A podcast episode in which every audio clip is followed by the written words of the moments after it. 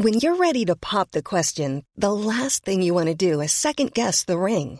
At Bluenile.com, you can design a one of a kind ring with the ease and convenience of shopping online. Choose your diamond and setting. When you find the one, you'll get it delivered right to your door. Go to Bluenile.com and use promo code LISTEN to get $50 off your purchase of $500 or more. That's code LISTEN at Bluenile.com for $50 off your purchase. Bluenile.com code LISTEN. Here's a cool fact a crocodile can't stick out its tongue. Another cool fact you can get short term health insurance for a month or just under a year in some states. United Healthcare short term insurance plans are designed for people who are between jobs, coming off their parents' plan, or turning a side hustle into a full time gig. Underwritten by Golden Rule Insurance Company, they offer flexible, budget friendly coverage with access to a nationwide network of doctors and hospitals. Get more cool facts about United Healthcare short term plans at uh1.com. Planning for your next trip? Elevate your travel style with Quince. Quince has all the jet setting essentials you'll want for your next getaway, like European linen, premium luggage options, buttery soft Italian leather bags, and so much more. And is all priced at 50 to 80% less than similar brands. Plus, Quince only works with factories that use safe and ethical manufacturing practices. Pack your bags with high-quality essentials you'll be wearing for vacations to come with Quince. Go to quince.com slash pack for free shipping and 365-day returns.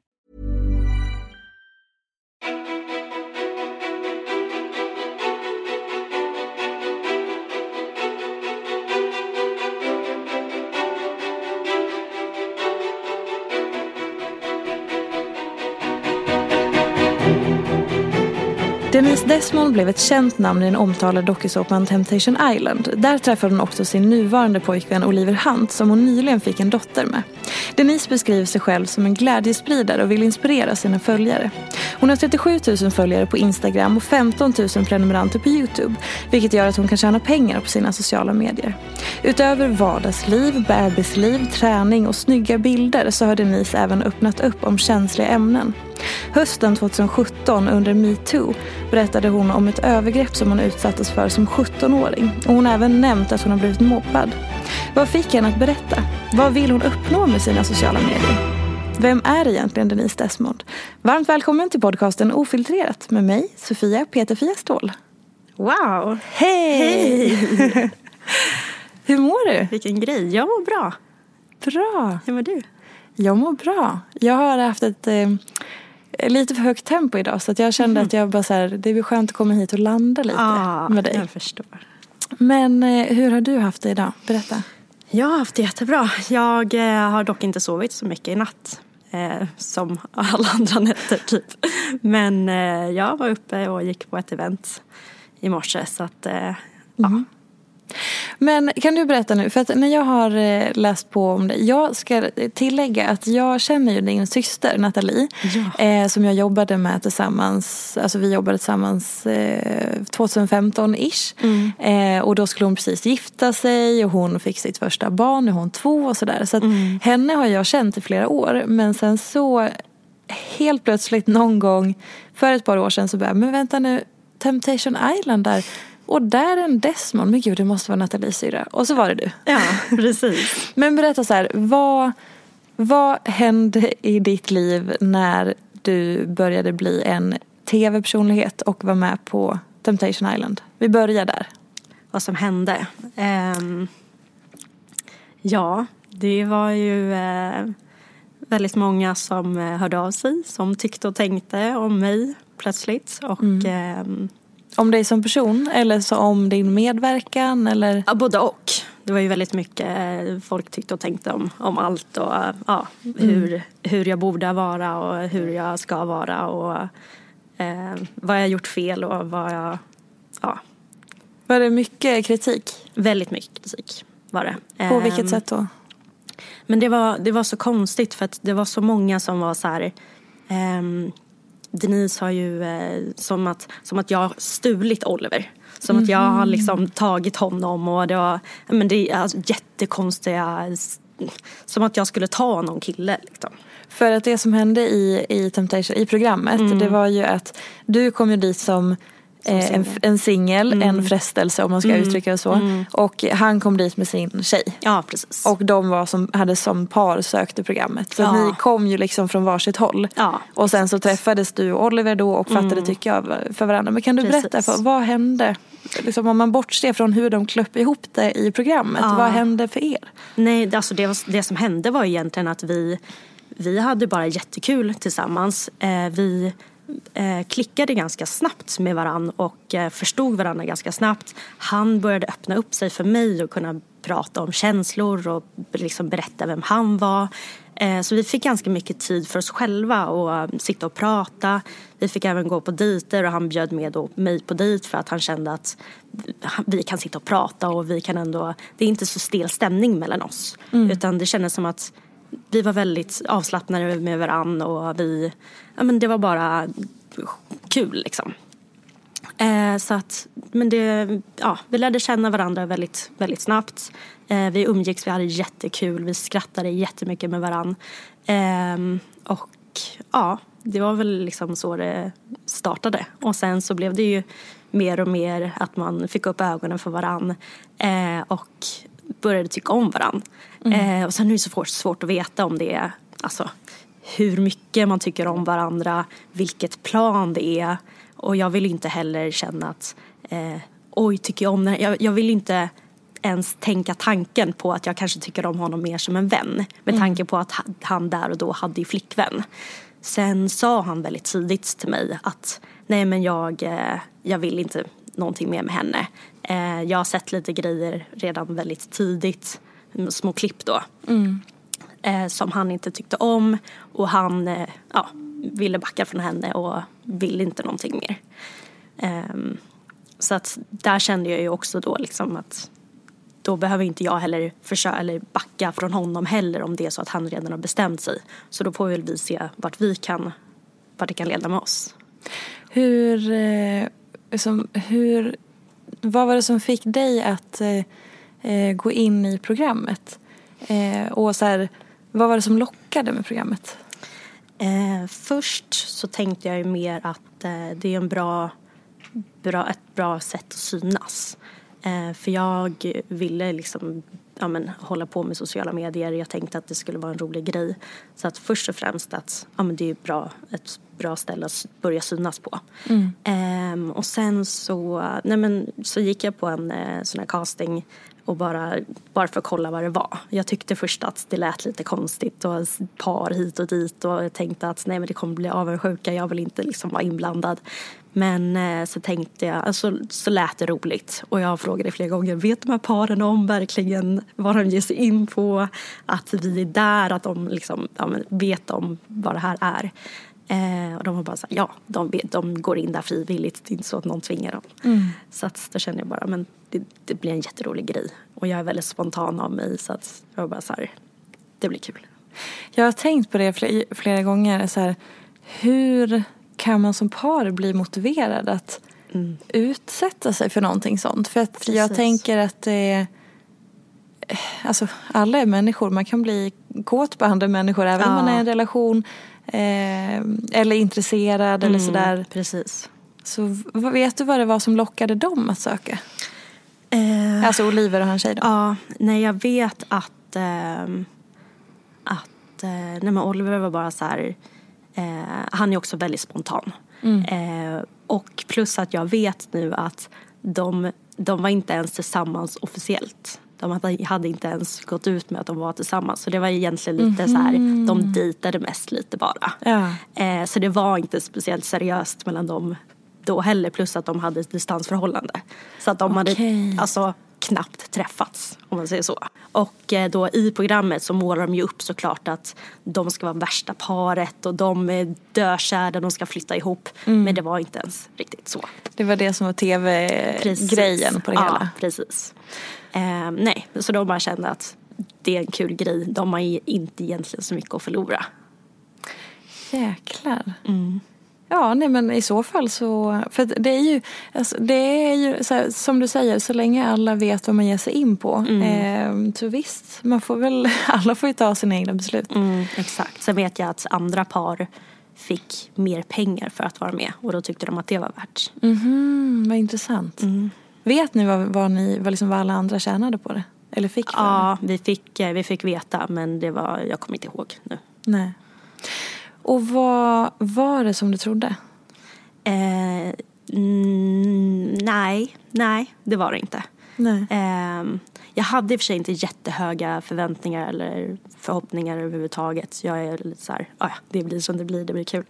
Så att, eh, men eh, nej, och först och främst, jag hade inte tanke på att jag skulle gå in och bli kär liksom. Så Vad tänkte du att du skulle Nej, jag hamna tänkte, i då? jag tänkte bara att jag skulle gå dit, träffa lite nya härliga tjejkompisar och bara ja, ha kul. Mm. Eh, och sen så jättesnabbt bara så började jag ju hänga med Oliver så att det blev ju Det var han som var grejen. Ja, exakt. Ehm, jag såg ett ehm, Youtube-klipp som du hade lagt upp där du svarade på massa frågor. Och sen så nämnde du att det var, det var någon fråga om att så här, ja, men har du blivit mobbad eller har du eh, någonting med mobbing och du nämnde att så här, ja men det, eh, det har jag men jag tar det i ett annat klipp. Och så satt jag och letade men jag hittade inget annat klipp. Det blev inget annat klipp. Nej det blev inte det. Nej. Var, var, varför blev det inget annat klipp? Jag spelade faktiskt in ett annat klipp Ja. eh, om, om just mobbing. Eh, men jag blev inte nöjd med det. Och jag blev lite... Jag kommer inte ihåg vad det gjorde eller vad det var som gjorde att jag inte publicerade det. Men det... Nej, jag vet inte. Det, det, blev, det kändes som att det blev väldigt, väldigt personligt och väldigt... Jag vill inte nämna några, några namn eller sådär. Så det blev lite svårt att för, ja, förklara utan att det skulle... Ja, jag vet inte. Mm. Men är det någonting som du vill eh, prata om eller berätta om eller bara lite så här, vad var det som hände? Ehm, en specifik grej som har satt sig mest är nog när... eh, Nej men, det var själva grejen att jag blev utfryst. Ehm, det var eh, någon gång när jag hade... ehm, jag hade, hade hällt något vatten på skoj eh, i en killes hår. Eh, och då hade det droppat ner i hans bok. Och då var det en annan tjej som blev jätteirriterad för att ja, hur kan Denise göra så här mot honom för att han blev lite arg. Så det var en jätte, jätteliten grej som gjorde att, och hon var även ett, ett år äldre. Så att då var det så här, ja, man såg upp till henne och sådär. Vilken årskurs Det är vi här nu? var kanske i fyran, femman. Mm. Kanske. Eh, och då, ja, då var det liksom att folk lyssnade på henne och hon tyckte bara att jag hade gjort fel. Och, eh, Medan jag bara skojade och skrattade lite åt det. Eh, utan att få veta då att jag hade gjort fel så bara vände de ryggen. Och eh, då till rasten så skulle vi gå ut och då skulle jag gå ut och hämta mina skor. Och då hade de gömt mina skor. Så alla gick ut utan, utan jag som inte hittade mina skor. Eh, så jag gick runt och letade i kanske en kvart och sen så var det någon som kom och bara, ja, ah, bara så du vet så ligger dina skor bakom, eh, bakom någon kruka. Eh, så jag bara, ah, nej men det, det är lugnt, ja, jag tar dem. Sen när jag gick ut så stod typ hela klassen i en stor ring liksom och bara tittade på mig och skrattade och så. Men vad, hade det här liksom byggts upp under en tid och att det blev då så att den här lilla grejen blev liksom ett uttryck för någonting som hade pågått eller var det första gången som någonting hände?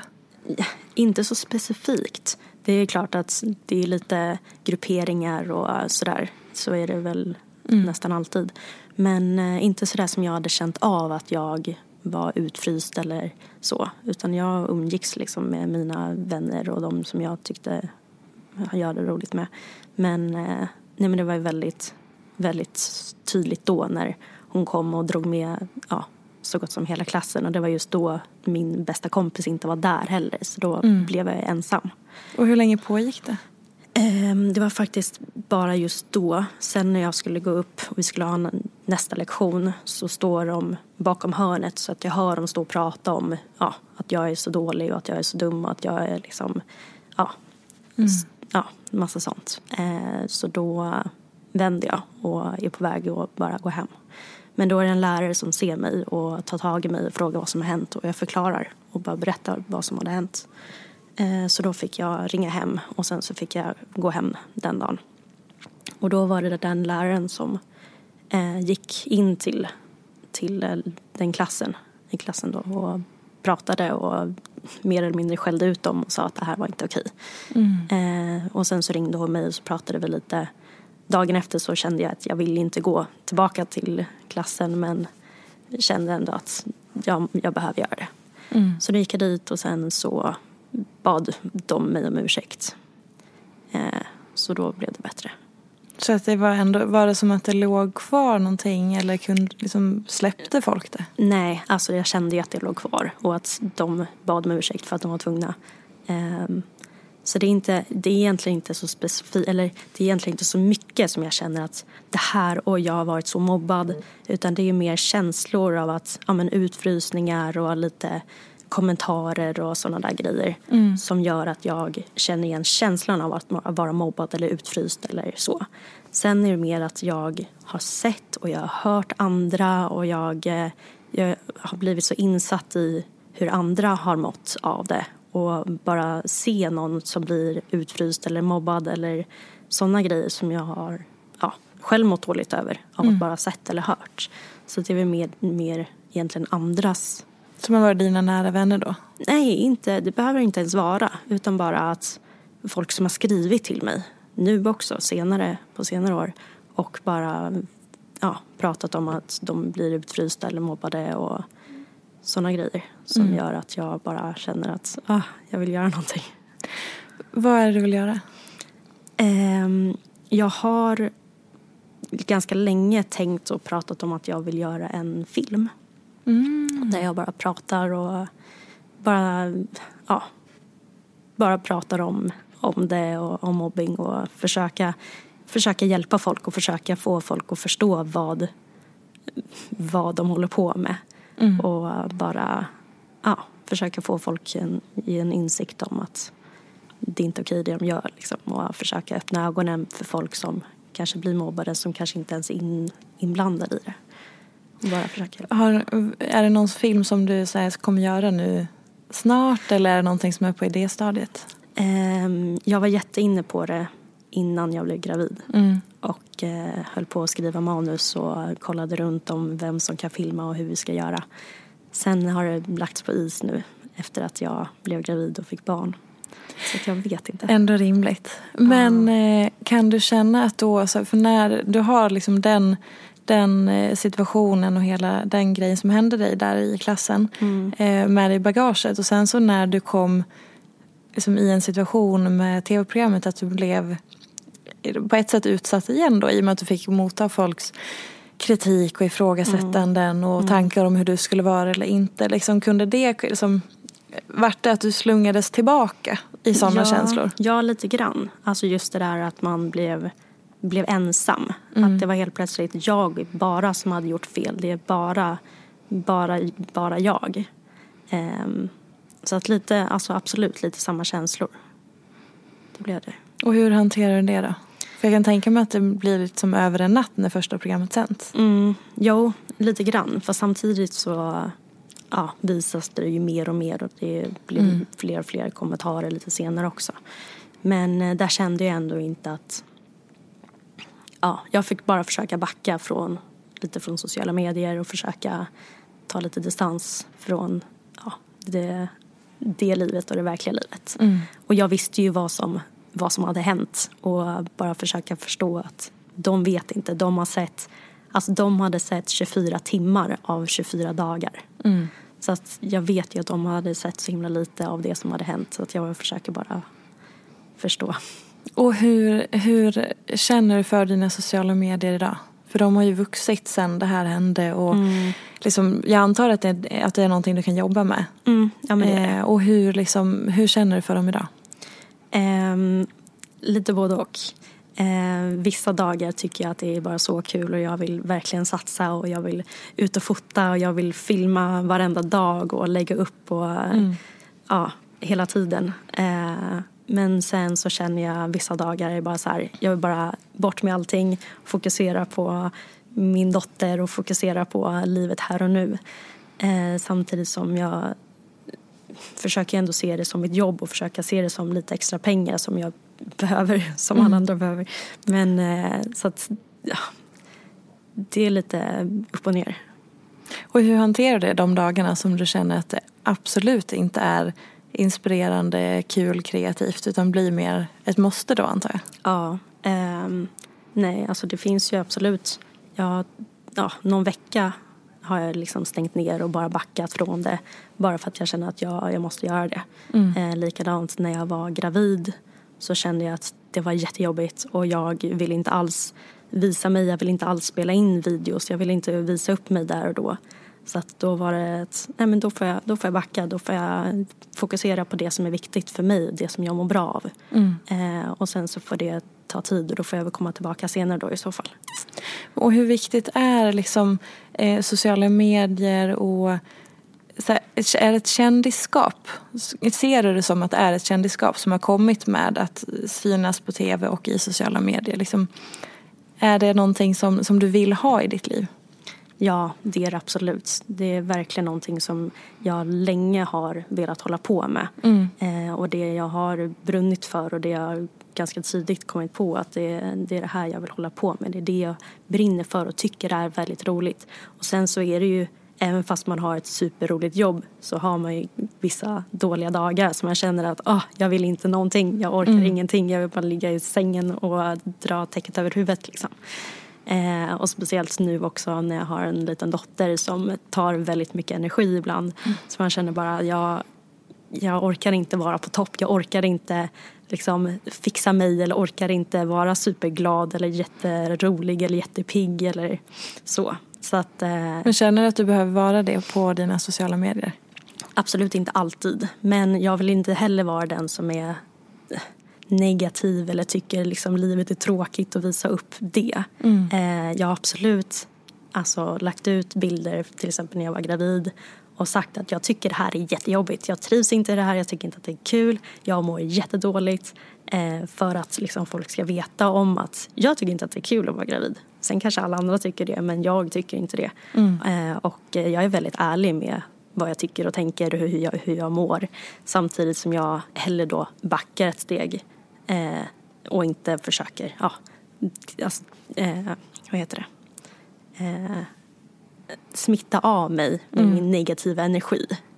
Då vill jag hellre backa och fånga upp det istället och sen så ja, komma ut med positiv, så positiv som jag annars är. Just det. Men jag kan tycka att det är lite skönt och befriande när folk inte är så jäkla positiva på sociala medier. Ja, absolut. absolut. För att vi får så mycket sånt ändå. Absolut. Men jag är bara att jag vill inte, jag vill inte alltid vara negativ. Nej. Sen är det absolut att jag kan flika in med oj, idag mår jag dåligt, det här är så jobbigt eller det här är tråkigt, det här är så. Men jag vill inte alltid Nej. lägga ut när jag har sådana dagar. Liksom. Vad var det som, var, som gjorde att du tyckte att det var jobbigt att vara gravid då?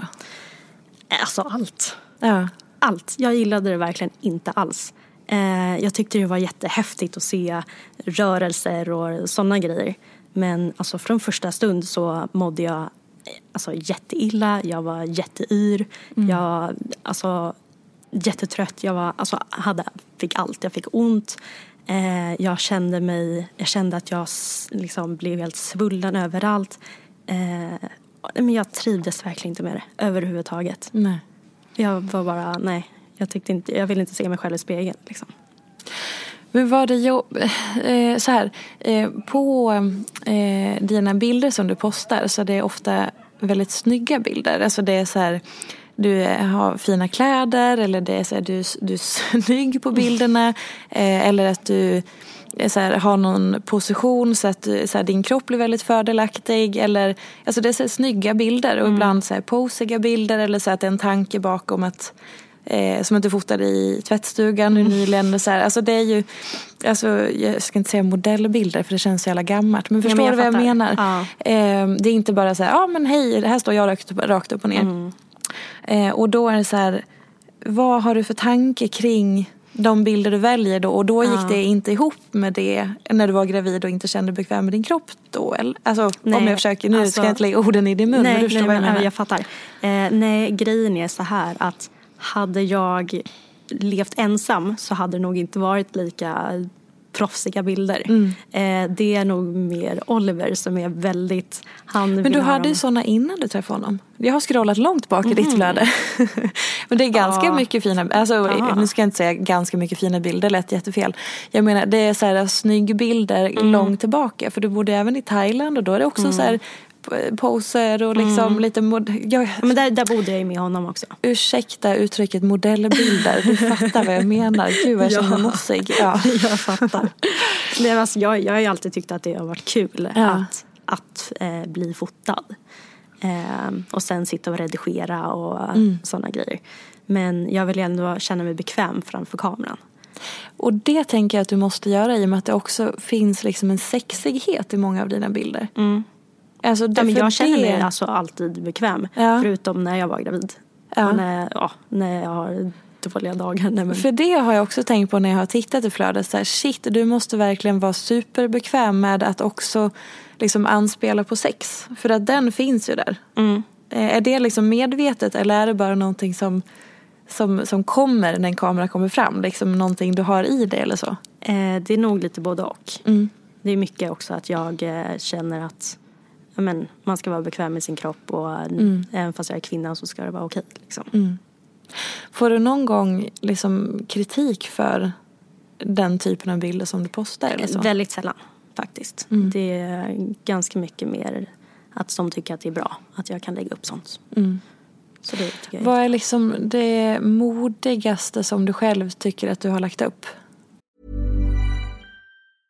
Want flexibility? Take yoga. Want flexibility with your health insurance? Check out United Healthcare Insurance Plans. Underwritten by Golden Rule Insurance Company, they offer flexible, budget friendly medical, dental, and vision coverage that may be right for you. More at uh1.com. Mom deserves the best, and there's no better place to shop for Mother's Day than Whole Foods Market. They're your destination for unbeatable savings, from premium gifts to show-stopping flowers and irresistible desserts. Start by saving 33% with Prime on all body care and candles. Then get a 15-stem bunch of tulips for just $9.99 each with Prime. Round out Mom's menu with festive rosé, irresistible berry chantilly cake, and more special treats. Come celebrate Mother's Day at Whole Foods Market. I'm Sandra, and I'm just the professional your small business was looking for. But you didn't hire me because you didn't use LinkedIn jobs. LinkedIn has professionals you can't find anywhere else, including those who aren't actively looking for a new job but might be open to the perfect role, like me. In a given month, over 70% of LinkedIn users don't visit other leading job sites. So if you're not looking on LinkedIn, you'll miss out on great candidates like Sandra. Start hiring professionals like a professional. Post your free job on linkedin.com slash people today. Many of us have those stubborn pounds that seem impossible to lose, no matter how good we eat or how hard we work out. My solution is PlushCare. PlushCare is a leading telehealth provider with doctors who are there for you day and night to partner with you in your weight loss journey. They can prescribe FDA-approved weight loss medications like Wagovi and zepound for those who qualify. Plus, they accept most insurance plans. To get started, visit plushcare.com slash weight loss. That's plushcare.com slash weight loss. Oj, det modigaste. Um, det måste väl vara någon bild i underkläder? Ja. ja. Uh -huh. Men och, så här, hur, är det självklart att posta underklädesbilder eller blir det då Nej. att du känner så här okej, okay, nu. Ja, nej men så, blir så, är det, så är det. Men samtidigt så känner jag att det borde inte behöva vara så. Mm. Och även fast jag står i en bikini eller underkläder eller vad det än är så tycker jag att det ska vara okej. Mm. Eh, så att jag försöker liksom mer intala mig själv om att det här ska vara Är det läskigast okay. att eh, så här, är det läskigast att ligga i en säng i underkläder i någon cool pose och bli fotad? Alltså i ett sånt ögonblick. Eller mm. är det mm. läskigare att lägga ut bilden? Nej, lägga ut bilden. Det är läskigare än, för jag tänker att då är man, i och för sig om det är din kille som, som fotar så är ju inte det så, ja. alltså ni känner ju varandra tänker jag. Mm. Vad intressant. Nej men för jag, att jag fastnar på det här med sexigheten är för att jag skulle aldrig någonsin, alltså om någon tar kort på mig så är jag så här, jag ler, jag är glad, mm. jag har ett uttryck. Jag, mm. jag kan knappt vara liksom neutral i ansiktet eller så. På en, och då så här, oh gud att jag ska vara sexig på en bild. Jag, jag vet inte ens, jag tror inte jag har det i mig. Jag känner mig som mm. en tant. och därför är jag så nyfiken på så här, hur, hur fasen är man sexig framför en kamera? Mm. Jag tycker att det är intressant mm. och eh, skrämmande för att jag själv eh, inte skulle klara det tror jag. Nej, men jag känner att jag är så, jag är så bekväm framför ja. en kamera och kan bjuda på hela mig och mm. tycker att det är roligt. Liksom. Mm. Men har du haft då modelldrömmar när du var yngre? Ja, absolut. Jag har mm. varit lite så här reklammodell när jag var liten. Mm. Eh, typ lite olika grejer. Så att det har absolut alltid varit en, en dröm mm. att kunna göra. Är det någonting du fortfarande vill göra? Eh, jag har inte riktigt haft de tankarna på det. Men eh, alltså, ja, det hade varit jättekul att göra alltså, bilder när det syns ute liksom mm. Stadium eller med ja, sådana lite olika bilder på, i butiker eller mm. sådana där. Men och, om vi bara så här, innan vi går vidare från eh, bilder och kropp och så här, kan du förstå Eh, nu blir det en väldigt ledande fråga men eh, alltså att posta bilder på kvinnokroppen, alltså att man lägger upp avklädda bilder på sin kropp. Mm. Det blir ju på ett sätt hyllat för att som du säger man ska äga sin kropp, man ska ha rätt till att posta och liksom se ut, vara den man är och hur man än ser ut och sådär. Och sen kan ju det samtidigt kritiseras för att det eh, hetsas eller att man ska inte sexualisera kvinnokroppen och man ska mm. liksom inte du vet, alltså man kan man får höra båda sidor. Absolut. Hur resonerar du själv i den diskussionen? Nej, alltså jag, eh, jag tycker bara att det är Just nu tycker jag att det är väldigt mycket så här, du ska inte göra det här, du ska inte göra det här, du ska inte träna, du, du ska, för då är det hets. Eh, du ska inte äta dåligt, för då är det också dåligt. Och du ska inte visa, ja, men det är väldigt många som eh, som känner sig kränkta hela tiden. Mm. Och jag, eh, jag orkar inte riktigt alltså, lägga någon stor fokus i det. Utan jag kör mitt race, jag lägger upp de bilderna som jag står för och ja, hoppas att folk tycker att det är okej. Mm. Är det någonting som du, så här, brukar folk dra något sånt kort och så här, eh, påpeka det som jag precis sa. Att så här, ja, men, har du tänkt på det här? Eller, alltså, någon kan ge dig den twisten eller så. För jag såg på story att du hade sett eh, att du la ut att eh, eh, folk stör sig på att du fotade i tvättstugan och så. Mm, mm. Då får du ändå en viss ifrågasättande. Eller var kom, ja. var kom det ifrån? Nej, det var massa som var bara så här, jaha varför fotar du tvättstugan? Varför är du där och fotar? Och varför, ja, jättemånga bilder på tvättstugan.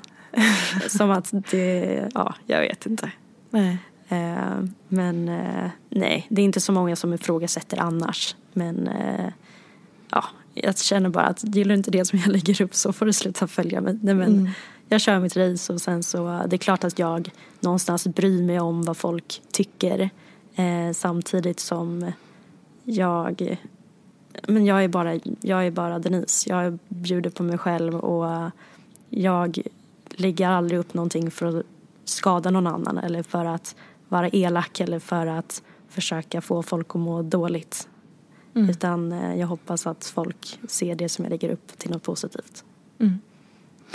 Vad, hur har det varit att gå in i eh, sociala medier-världen som mamma också? Det är ju inte alltid helt lätt. Nej. Alltså första... man kan ju få så jävla mycket skit, ja, ärligt talat. Verkligen. Eh, jag skrev ganska tidigt där att eh, ja, om ni tycker och tänker någonting så behöver ni inte alltid säga vad ni tycker och tänker utan jag har koll på mitt barn och jag vet vad som är bäst för henne. Mm. Eh, och det är klart att folk kan komma med, med tips men då är det oftast, då vill jag gärna fråga om, om jag kan få tips. Och de behöver inte tipsa mig om det inte är så att jag har bett om det. Eh. Skrev du det, kände du så här, tvungen att skriva det för att du hade börjat få skit? Mm, precis. Ja, vad var det de sa då?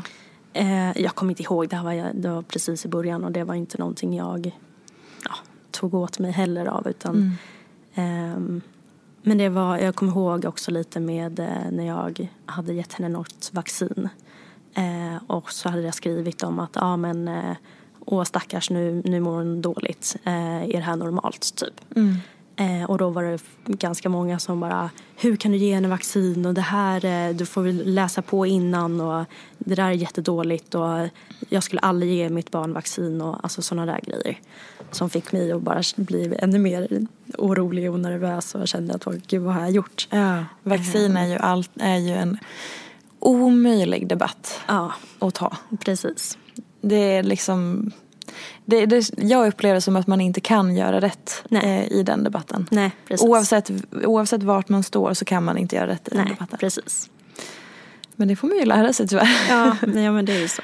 Men och hur upplever du att det är nu då? För att jag kan tänka mig att folk också har haft väldigt mycket åsikter om i och med att folk också fick lära känna dig och Oliver som par och sen att Mm. ni fick barn väldigt tidigt tillsammans eller beroende på vad man anser vara tidigt.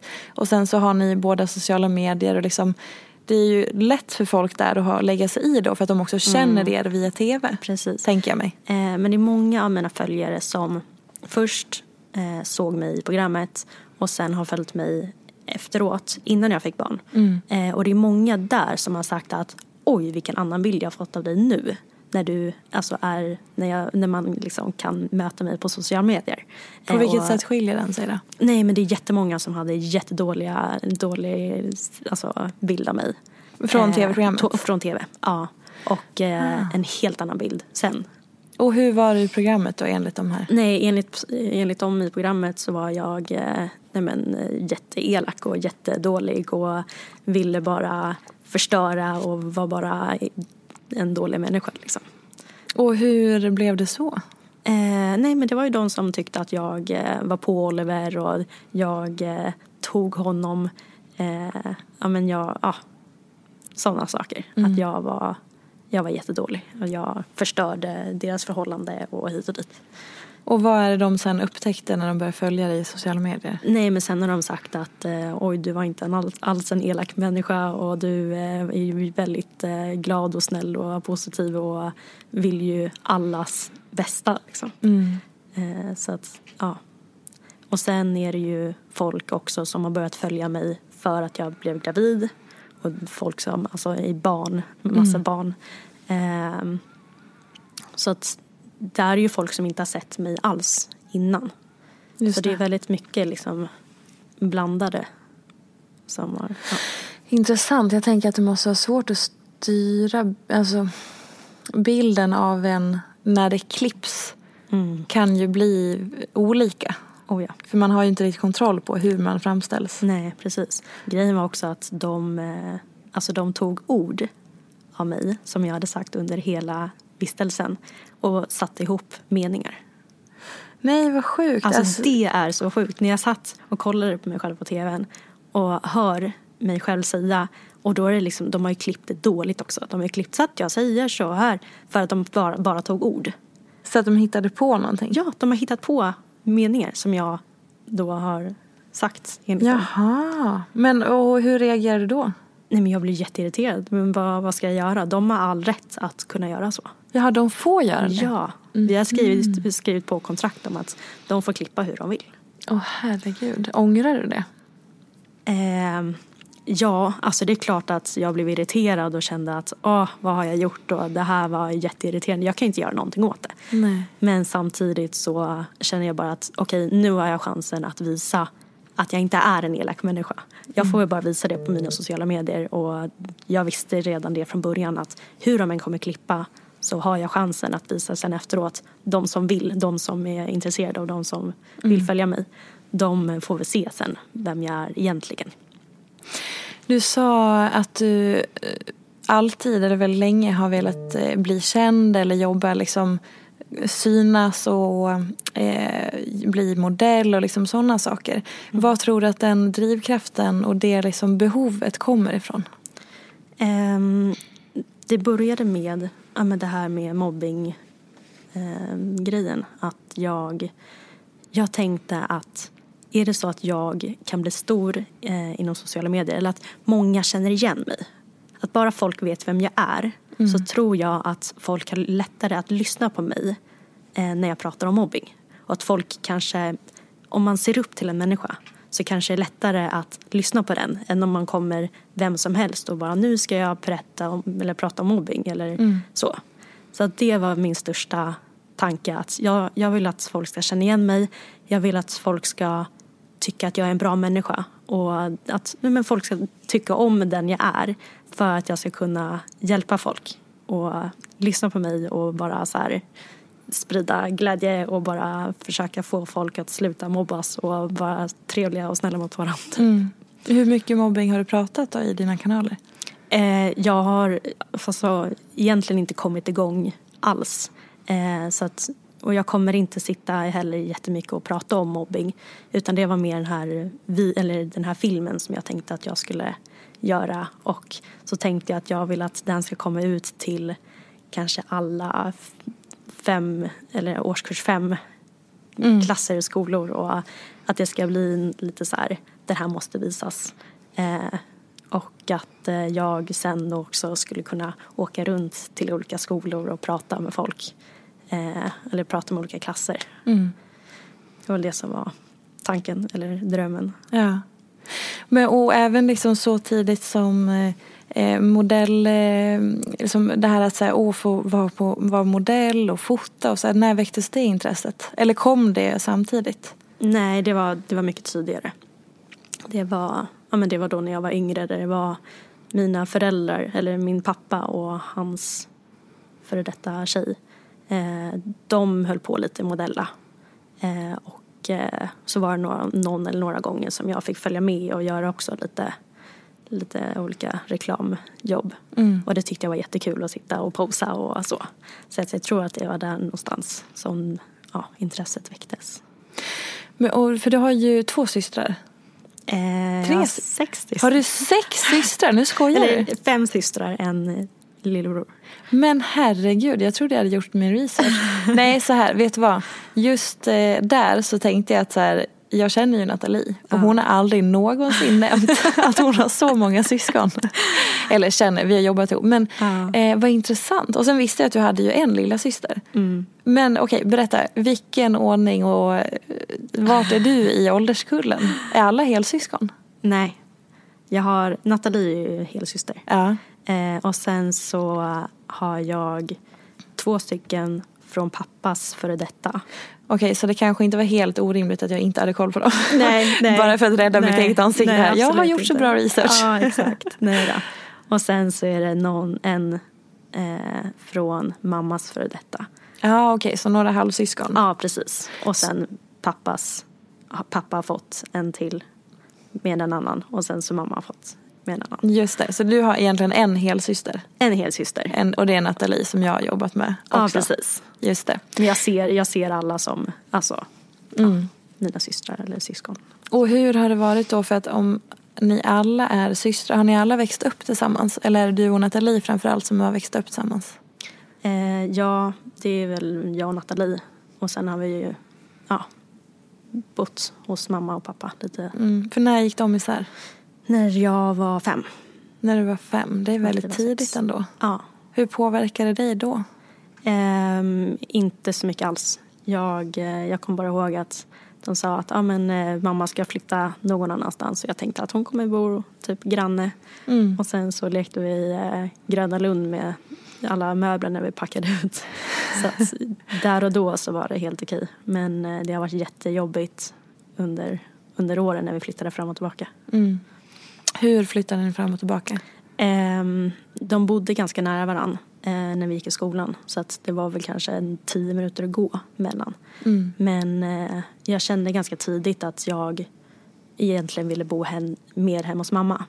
Eh, men då hade Nathalie ganska, ja, lite innan sagt att hon ville göra det. Så då kände jag mig taskig mot pappa om jag hade skulle mm. säga också att jag ville också bo mer hos mamma. Så då kände jag att då fick, då fick jag ta den, liksom att då får jag flytta fram och tillbaka i alla fall. Eh, och så gjorde jag så ett tag tills jag blev så ja, gammal så att jag kände att nu får jag ta det här, nu får jag såra mm. pappa i så fall och säga att lite försiktigt att ah, kanske kan bo här varannan helg. Liksom. Mm. Så, att, eh, så gjorde jag det. Eh, och eh, det blev bättre och sen så blev det mer och mer att jag var hos mamma. Och det var ju flera dagar också som jag gick från skolan. Och eh, mamma bodde lite längre bort från skolan än vad pappa gjorde. Men ändå så gick jag till mamma. Och sen så ringde pappa och bara, men vart är du någonstans? Och bara, nej men jag är, jag är hemma hos mamma. det kändes lite närmare att gå hit. Ja. Så, och pappa bara, nej men det är inte närmare. Du Nej. kom hem nu ska vi käka. Så jag bara, okej, ja jag kommer. Vad var det som gjorde att du inte ville vara där då? Eh, jag vet inte, det var ganska mycket bråk mellan, mellan pappa och hans tjej då. Eller förra. Så det var, jag tror att det är ganska, ganska mycket därifrån, ganska tryck stämning. Som jag kände att jag blev påverkad av. Eh, så jag var ganska mycket instängd liksom, på mitt rum och sådana där saker. Men det, vill, det vågar du inte säga då? Rakt ut eller Nej, så? nej. det vågade jag inte. Jag tyckte det var jättejobbigt och jag kände att jag vill inte, jag kände att det var jobbigt för pappa redan som det var. Så jag vill inte ja, göra det ännu värre. Hur var det sen att få flera syskon i de nya relationerna? Hur påverkade det, dig? Ehm, nej, jag tyckte bara att det var kul. Alltså det var ingenting som var jobbigt eller Nej. nej. Det var inte så att det liksom för det kan man ju uppleva i och för sig med alla syskon att här, när det kommer in en ny så blir det konkurrens om uppmärksamheten och tiden och engagemanget och sådär. Och då när det kommer liksom flera olika. Mm. Det var inget som jag, som jag reflekterade över eller som jag kände av att Sen kanske det var så egentligen att jag kände eh, Jag kände det då men det är ingenting som jag har tänkt på då eller nu i efterhand heller. Nej. Men eh, nej, jag tror inte det. Men hur skulle du beskriva din uppväxt om du skulle alltså bara kort berätta liksom i lite, lite lösare. Hur skulle du beskriva din uppväxt generellt? Oj. Eh, nej men det är mycket, var mycket att det var jobbigt under ganska lång period då med att flytta fram och tillbaka och att jag kände att jag hade skyldighet att göra saker som jag egentligen inte ville med vart jag skulle vara och så att det var ganska, jag kände ganska mycket press på mig att, att försöka göra alla glada och pappa och mamma och alla syskon vart de ville och vara och fick anpassa mig väldigt mycket. Ehm, men ehm, ja, Har det påverkat dig, alltså hur, hur du är som person? Känner du fortfarande att du behöver liksom anpassa dig och vara glad och eh, som att så här, ta hand om andra? För det låter som att du tar ett ansvar gentemot andra. Mm. Eh, ja, det tror jag absolut att det har påverkat och att det har gjort så att jag är den personen som jag är idag. Men samtidigt så mår jag inte dåligt idag av det. Utan jag känner att eh, det är snarare eh, kan jag hjälpa någon så mår jag ju bra av det och tycker bara att det är kul. Eh, alltså, istället för att jag där och då var bara att jag var bara måste göra det eh, även fast jag inte mår bra av det. Så Det är intressant eh, att du så här, återkommer till att så här, du vill hjälpa andra och sådär. Vad tror du det kommer ifrån? Att så här, du vill nå ut, du vill påverka, du vill hjälpa andra, få någon annan att må bättre. Var kommer hela den grejen ifrån tror du? Ehm, ja, jag vet inte. Jag vet att eh, när jag var, jag tror jag gick i tredje klass, så, eh, så var det mycket att, eh, det var väldigt mycket som hände. Det var väldigt mycket, min fadder som var tre år äldre, hon eh, blev väldigt sjuk och fick åka in på sjukhus. Jag visste inte riktigt exakt vad det var utan det var någonting med magen hörde jag bara. Och sen så sa då min lärare inför hela klassen att Denise, din fadder är, är dålig liksom, och nu om du vill så du kan ju skriva ett, ett brev till henne. Och då kände jag bara så här värsta pressen att oh, gud, jag måste skriva ett brev till henne så att hon kanske mår bra och jag måste ju göra någonting nu. Och, ehm, ja, så att jag gick hem och skrev ett brev på datorn och skrev ut och skickade till henne. Och sen fick jag ett brev tillbaka sen. Ehm, och sen kort efter det så så var det en lärare på, på, i skolan som eh, gick bort eh, i någon sjukdom. Så det var väldigt mycket, väldigt mycket på en gång, mycket dödstankar och så. Eh, vilket gjorde att jag eh, fick panikångest. Eh, så att redan där och då kände jag ju mycket så här press på mig själv att jag måste, jag måste göra sådana här saker för att få andra att må bra och ehm, ja. Men eh, jag vet inte. Sen har det bara vuxit till att eh, att det är mycket att jag har fått tillbaka så himla mycket från att jag har hjälpt andra och att de har skrivit senare att du har, du har räddat mig typ och åh jag mår så bra nu och tack för att för att du har skrivit, tack för att du har lyssnat, tack för att du har hjälpt mig och gett mig råd. Mm. Eh, och det som jag fått tillbaka har gett mig så mycket att jag känner att jag vill bara fortsätta. Jag vill bara mm. hjälpa fler liksom. Jag känner, jag känner igen det där med, för att jag, eh, det har jag sagt i podden någon gång tidigare, men just att det var någon som sa till mig att det var mitt bekräftelsebehov. Mm. Eh, för jag har alltid svårt att identifiera mitt bekräftelsebehov för att alla mm. människor har ju något men jag har mm. inte fattat riktigt. Jag bara, mm. men jag är mm. inte så, jag visst jag har duktig flicka men det är inte det här. Och så har jag hållit på sådär. Någon bara, men det är ju, ditt bekräftelsebehov är ju att du alltid vill hjälpa andra människor mm. och sätta dig själv framför. Jag bara, mm. Vilken mm. jävla insikt. ja, men jag hade ja. inte förstått det. Och jag Nej. tyckte det var ganska skönt när den poletten trillade ner. Ja, och jag känner igen det. Jag vet inte om du har tänkt på det på det sättet.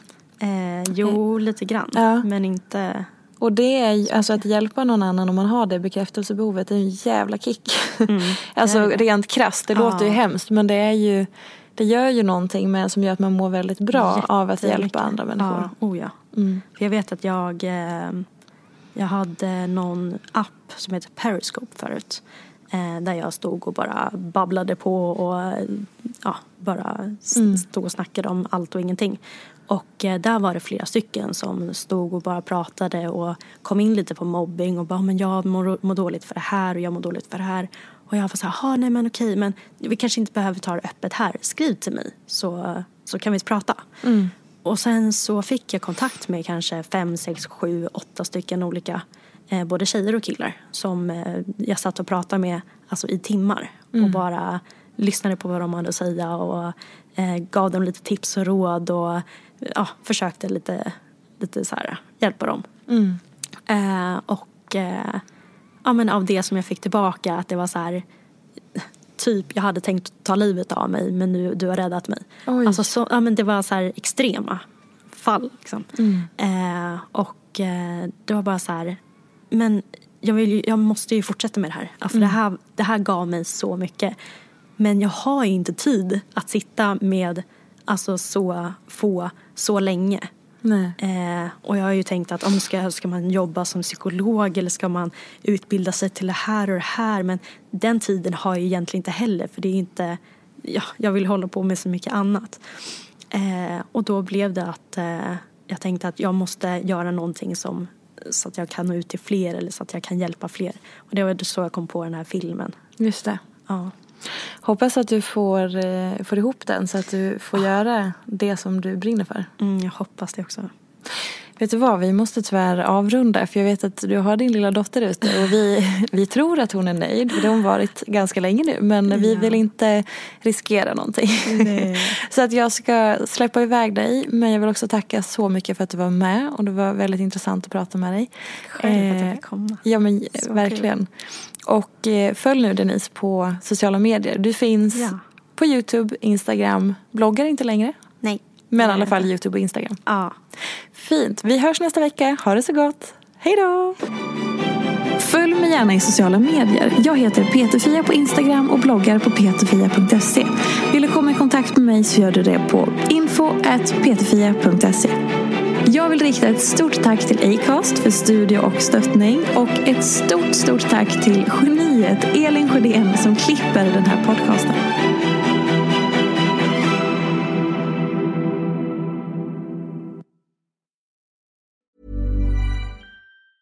Hej, det är Paige DeSorbo från Giggly Squad. High quality fashion without the price tag. Say hello to Quince. I'm snagging high-end essentials like cozy cashmere sweaters, sleek leather jackets, fine jewelry, and so much more. With Quince being 50 to 80% less than similar brands.